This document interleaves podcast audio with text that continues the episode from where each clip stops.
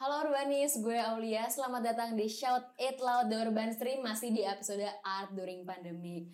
Kali ini kita berkesempatan lagi nih untuk mewawancarai salah seorang narasumber yang spesial banget yang katanya bisa keliling dunia hanya dengan menari.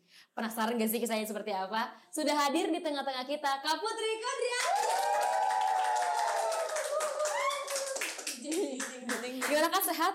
Sehat Sehat alhamdulillah. alhamdulillah. Gimana masih fresh? Masih masih di rumah aja? Masih di rumah aja. Masih di rumah aja. Tapi ini Di nggak rumah lagi orang. Di rumah.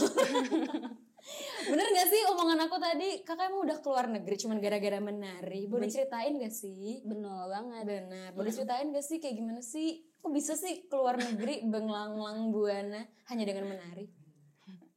Jadi em, pas kuliah aku tuh ikut UKM gitulah di kampus di tingkat fakultas itu namanya komunitas boleh disebut Boleh kan? dong. komunitas tari visip Rada Syarisya Ada chat. itu sejak tahun pertama banget aku ikut di situ. Berarti tahun 2000 15 Heeh, 2015 nah terus kebetulan di tahun itu tuh ada em, open recruitment untuk menjadi konten eh konten. Kok konten? Iya langsung ya. kontingen. Kontingen. kontingen misi budaya waktu itu tuh ke Eropa. Cuman waktu itu nggak nggak lolos terus akhirnya ikut lagi dan kebetulan pas waktu yang kedua ikut ke Korea Selatan waktu itu 2016 tuh Ke Korea Selatan tuh. Selain ke Korea Selatan, Kak Uti pernah ke mana lagi?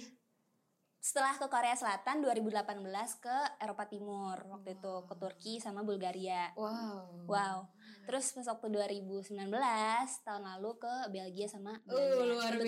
biasa. Betul tangan gak sih? Super banget deh. Aku kayak, uh, tapi bener kak itu hanya menari. hanya menari saja Eh ampun keren banget gak sih Urbanis? Hanya dengan menari kita bisa keliling dunia.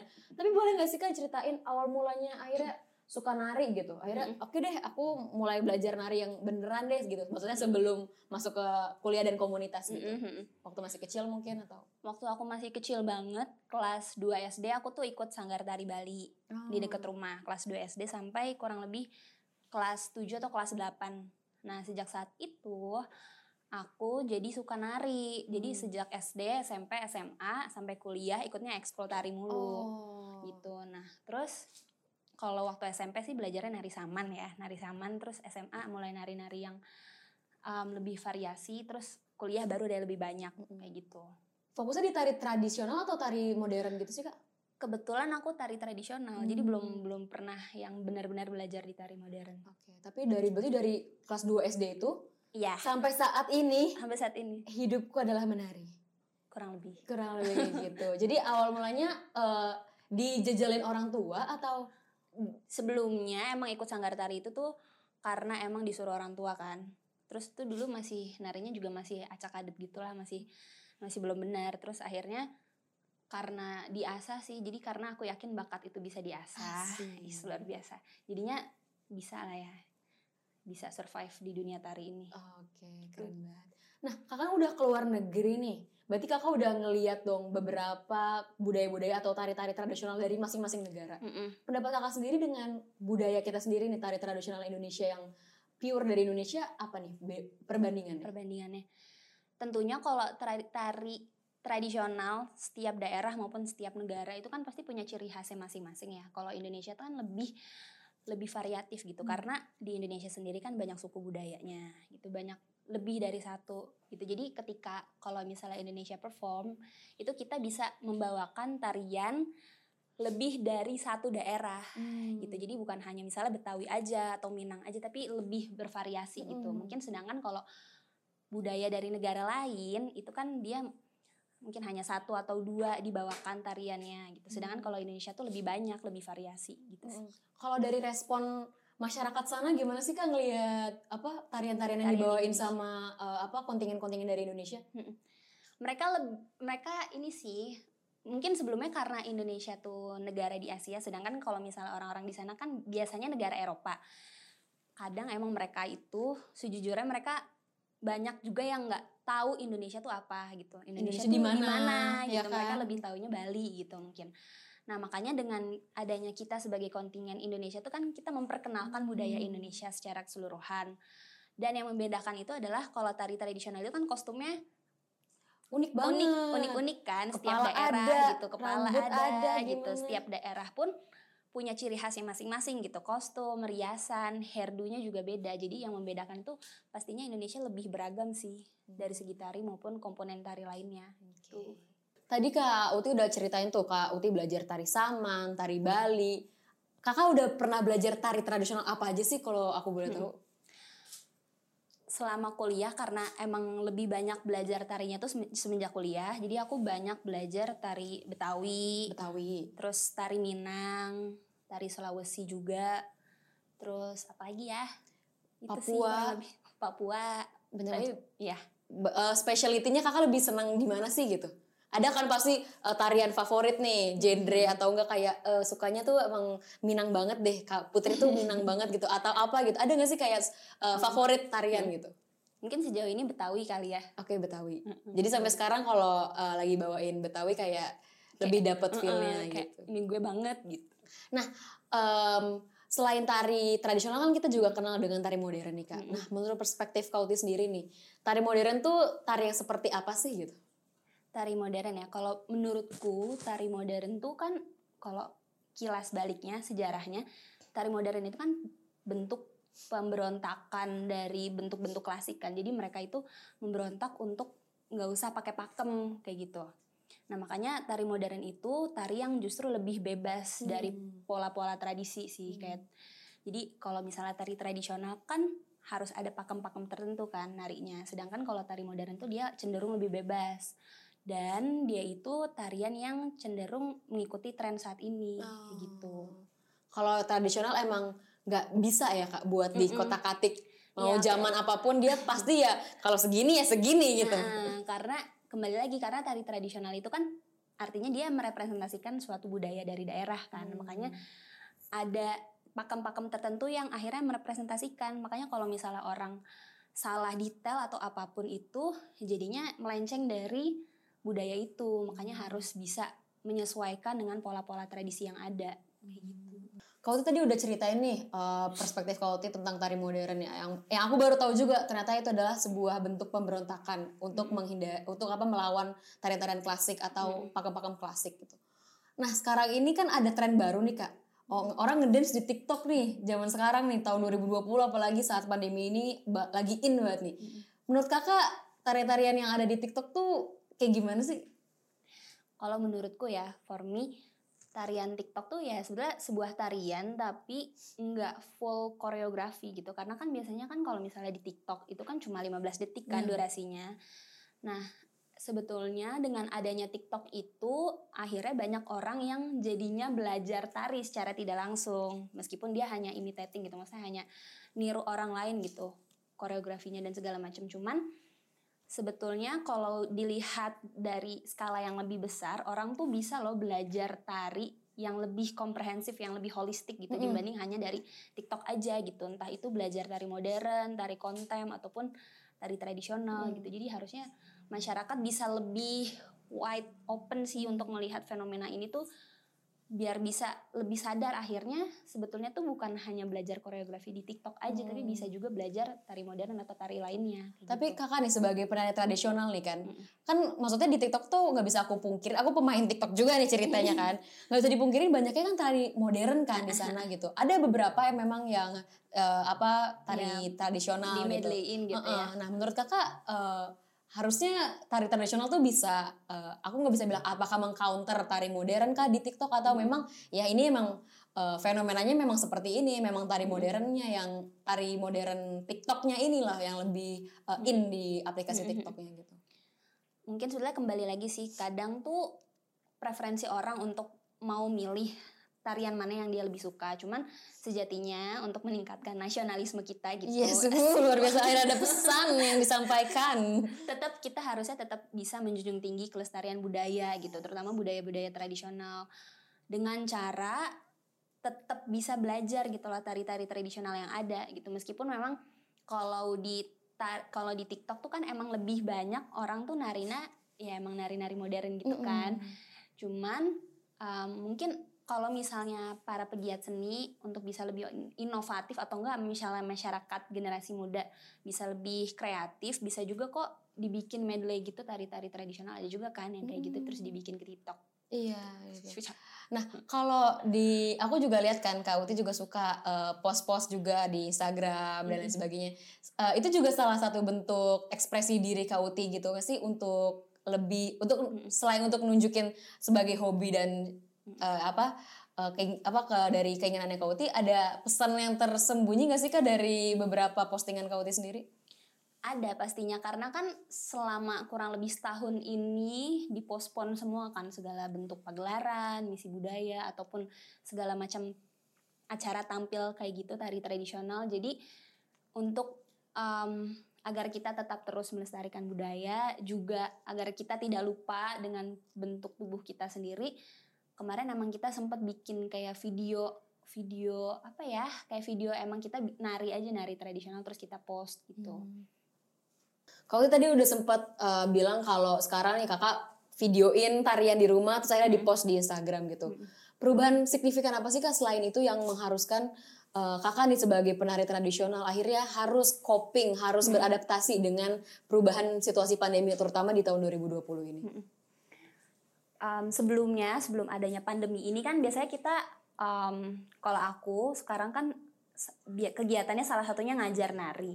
Sebelumnya tuh aku ngajar nari di salah satu museum gitu. Tapi karena adanya pandemi ini, coping mekanismenya itu adalah dengan membuat video latihan virtual gitu. Hmm. Kemudian um, di ya atau enggak dalam bentuk live streaming di YouTube atau memang kalau misalnya memang mengharuskan offline tetap offline datang um, ke suatu tempat tetap mematuhi protokol yang ada Hmm. gitu kebetulan kalau sekarang ini kan aku um, latihannya ngajar itu kan privat Hmm. jadinya makanya memang datang tetap datang ke rumah salah satu murid namun tetap dikasih jarak gitu dan Hmm. muridnya memang terbatas hanya dua orang kalau dulu banget itu kan latihannya kan banyak banget kan Hmm. berpuluh-puluh orang gitu sedangkan kalau sekarang karena adanya pandemi ini um, jadinya disesuaikan muridnya terbatas dan memang tetap mematuhi protokol yang ada Mm, Kayak Itu gitu. menyulitkan gak sih kak sebenarnya? Pasti kalau ditanya menyulitkan atau enggak, iya gitu. Tapi kita tetap terus mencari alternatif terbaik gitu agar tetap semuanya ini tetap jalan gitu dan em, tetap apa ya memerhatikan kondisi-kondisi yang terbaik sih biar semuanya tetap aman kayak gitu dan memang misalnya di komunitasku juga yang sebelumnya misalnya ada latihan reguler setiap minggu sekarang pun mereka diadakannya secara virtual Hmm. kayak gitu Jadi memang ini mau nggak mau ya kak harus seperti ini gitu. Apalagi kan tarian itu kan memang olah tubuh yang ya kita harus ketemu dong, harus Mm-mm. bener-bener diajarin. Oh segini, Iya. dipegangin tangannya Iya, segala ha-ha. macam. Itu sulit banget nggak sih kak? jadinya sulit sih kalau memang latihannya secara virtual ya. Jadi kan kita kalau misalnya latihan nari kan pasti ada koreksi lah dari yang Hmm. ngajar gitu kan. Sedangkan kalau misalnya virtual kita nggak bisa sentuh langsung um, muridnya gitu atau orang yang sedang belajar tari tersebut. Makanya um, memang harus ada taktik tertentu sih biar biar orang yang komunikasi dua arahnya tuh berjalan dengan baik. Oke. Kan aku bisa bilang berarti ini sebagai salah satu profesi Kak Uti dong dalam eh, apa mengajar ini ya.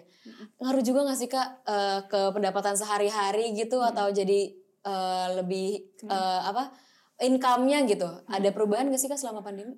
Ada pasti ada. Cuman karena aku kan jam terbangnya pastinya nggak nggak banyak dibanding orang-orang yang lebih profesional lainnya. Tapi kalau misalnya mengacu pada orang-orang yang biasanya ngajar emang sebagai profesi tetap itu pasti akan ngaruh banget karena kan biasanya setahun itu mereka mungkin ada aja project gitu kan nari di satu instansi atau enggak memang ada project pagelaran dan sebagainya dengan tidak adanya project tersebut berjalan kan pasti akan ngaruh banget bahkan sampai nggak ada pemasukan sama sekali. Nah, apalagi yang menggantungkan hidupnya sebagai profesional penari gitu Kak. Iya, betul. Nah, kalau misalnya aku bisa kasih contoh nih Kak, ada beberapa eh, apa eh, yang viral ya akhir-akhir ini bahwa eh, beberapa penari profesional tuh harus banting setir akhirnya untuk jadi punya bisnis online, buka usaha, eh, buka usaha, usaha makanan segala macam. Pendapat Kauti tentang itu gimana nih Kak? Sebagai sama penari dong akhirnya dia harus kehilangan tanda kutip kehilangan pekerjaannya selama pandemi ini.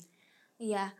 Em, kalau misalnya dengan keadaan seperti ini pasti sangat maksudnya sangat kasihan nih kita ngelihat karena kan itu sebagai profesional maksudnya sebagai profesinya mereka profesi tetap dan mereka hanya bergantung pada satu jenis profesi tersebut gitu makanya memang um, pemerintah bahkan kadang ada juga suatu komunitas yang akhirnya membuat suatu project sekaligus membuat apa ya kesempatan untuk memberikan donasi kepada Hmm. para pegiat seni tersebut Hmm. biasanya kadang ada juga yang misalnya mereka melew- uh, melalui YouTube live konser Hmm. terus mereka tampil sekaligus untuk memberikan donasi kepada para pegiat seni Hmm. Itu biasanya paling alternatifnya seperti itu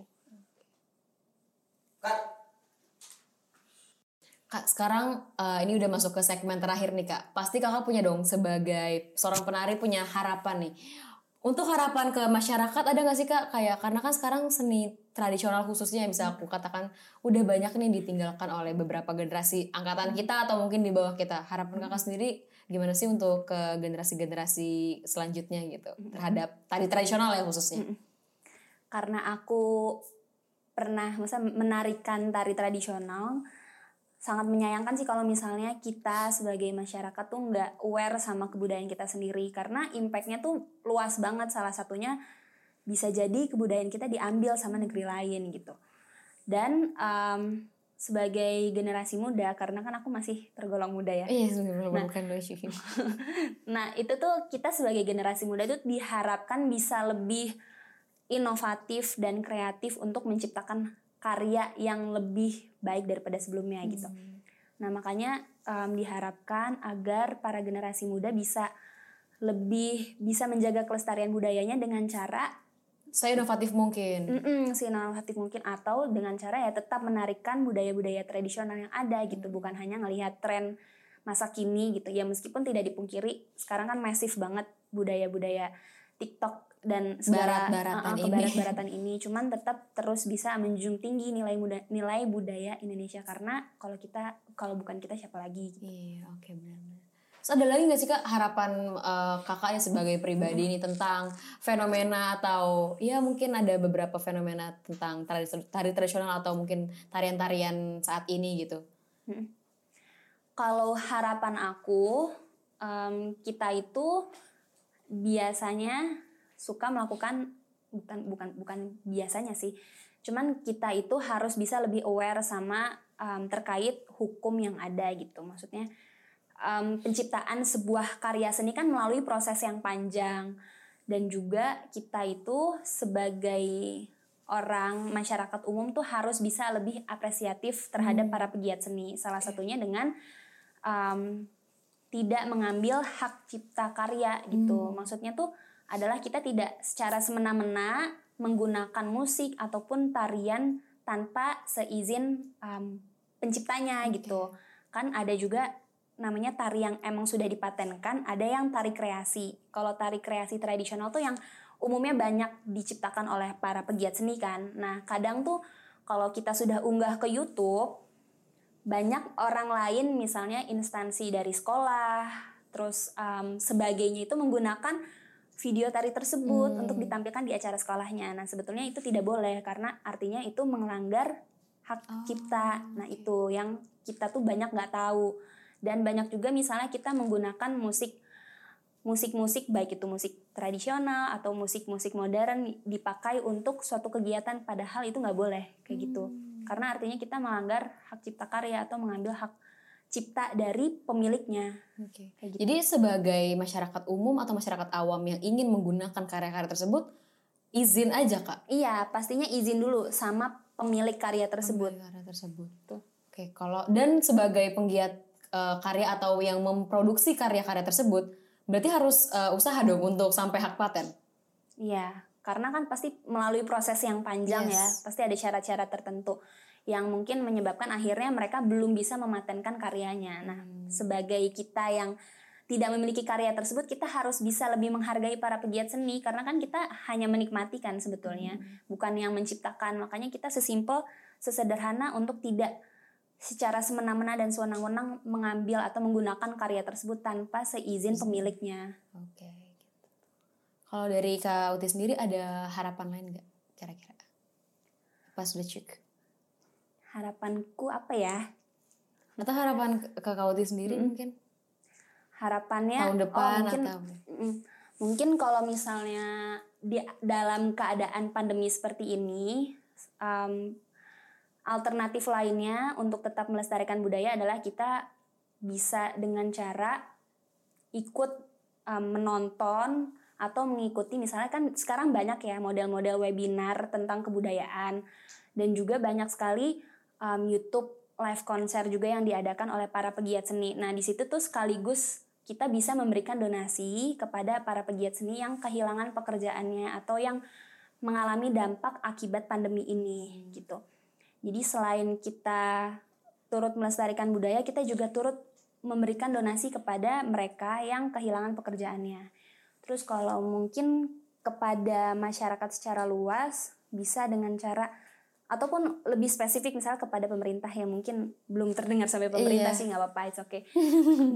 bisa apa ya menyediakan alter- alternatif lain kalau misalnya aku pernah baca berita Gubernur Jawa Tengah Pak Ganjar itu menyediakan salah satu ruang rumahnya untuk dijadikan sebagai pentas seni Oh. yang akhirnya bisa digunakan masyarakat daerah tersebut gitu untuk diadakan pentas seni secara virtual. Nah mungkin itu bisa dicontoh sama komunitas bahkan se- sekecil komunitas untuk akhirnya menyediakan em, pentas seni secara virtual. Jangan, mulai. Lanjutin aja ya. Ulang dari mana? Ulang dari mana? Roll aja kan? Audio rolling. Sampai terakhir yang Pak Ganjar aja ulang lagi ya. Pak Ganjar nggak tuh?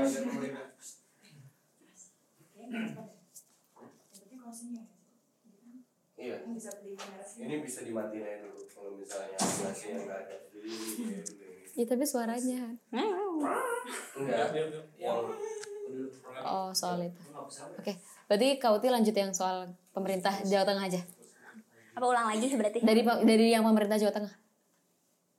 Pak Ganjar telah menyediakan. Kakak bisa mencontoh itu buat. Nih langsung aja. Ya nggak Le? ya. Satu dua tiga. Ulang dari mana? Kasih tahu. Jadi Pak Ganjar aja. Ayo. Karena kan tadi eh, kucing kawinnya baru pas kita ngomongin ceritanya Pak Ganjar tuh Iya. ngomongin tentang komunitas. Kalau misalnya mau start start lagi dari komunitas nggak apa sih kayak eh, orang-orang nggak harus ya itu bisa jadi salah satu contoh Ya sip. Lanjut. satu dua tiga. Yuk. Harapannya em, kepada masyarakat secara lebih luas sih untuk bisa lebih aware sama kebudayaan kita sendiri gitu. Dan juga tetap terus melestarikan budaya yang ada dengan cara mengikuti webinar. Sekarang kan banyak ya webinar gitu tentang bahkan kebudayaan atau tutorial tari yang diadakan misalnya salah satunya oleh GKJ gitu banyak sekali sekarang platform yang menyediakan alternatif-alternatif seperti itu untuk em, sebagai coping mechanism uh, alternatif um, untuk menyediakan pe- penyelenggaraan kebudayaan kala pandemi seperti ini. Waktu itu aku tuh pernah baca berita tentang penyediaan um, suatu aula oleh Pak Ganjar selaku Gubernur Jawa Tengah waktu itu tuh dia nyediain aula gitu deh untuk dijadikan sebagai tempat pentas seni Hmm. untuk masyarakat di situ Iya. gitu. Jadi kan itu sebagai bentuk alternatif juga pada masyarakat agar tetap terus melestarikan kebudayaan daerah tersebut. Gitu sih. Berarti itu lebih harapan ke pemerintah juga ya kak untuk Iya. uh, lebih aware nih karena kan banyak banget uh, sisi ya banyak banget sisi dari fenomena-fenomena yang dari uh, yang pandemi ini tuh sekarang tuh lebih agak kesulitan gitu. Salah satunya mungkin yang bisa dicontoh seperti itu. Benar. Benar. Hai Urbanis, kita udah ada di penghujung segmen nih. Segmen kali ini kita akan main bersama Kak Uti tentang rapid questions atau beberapa pilihan yang harus Kak Uti pilih dan nggak boleh milih nggak boleh nggak milih antara dua-dua pilihan Aduh, ini. ya. takut. Oke ya, siap ya. Oke. Share nari di Instagram atau di TikTok? Instagram Modern atau tradisional? tradisional, Panggung real atau virtual? real, Audiens Indonesia atau audiens luar? audiens luar. Ulang ya kak, audiens Indonesia nya atau luar aku jadi Audiens Indonesia atau audiens luar? Audiens luar. Terakhir ya. Tari solo atau tari kelompok? Kelompok. Masa sih? Peres. Iya, tari solo atau tari kelompok? Tari kelompok. Tari kelompok. Serius? Dikunci jawabannya? Dikunci. Oke, itu dia segmen terakhir kita dari Rapid Question bersama Kak Putri. Thank you banget Kak Putri udah luangin waktunya untuk main-main ke studionya di Urban Stream. Semoga Kak selalu sehat dan uh, kita akan bertemu di episode selanjutnya dari Shout It Loud Urban Stream. Thank you udah nonton. Bye.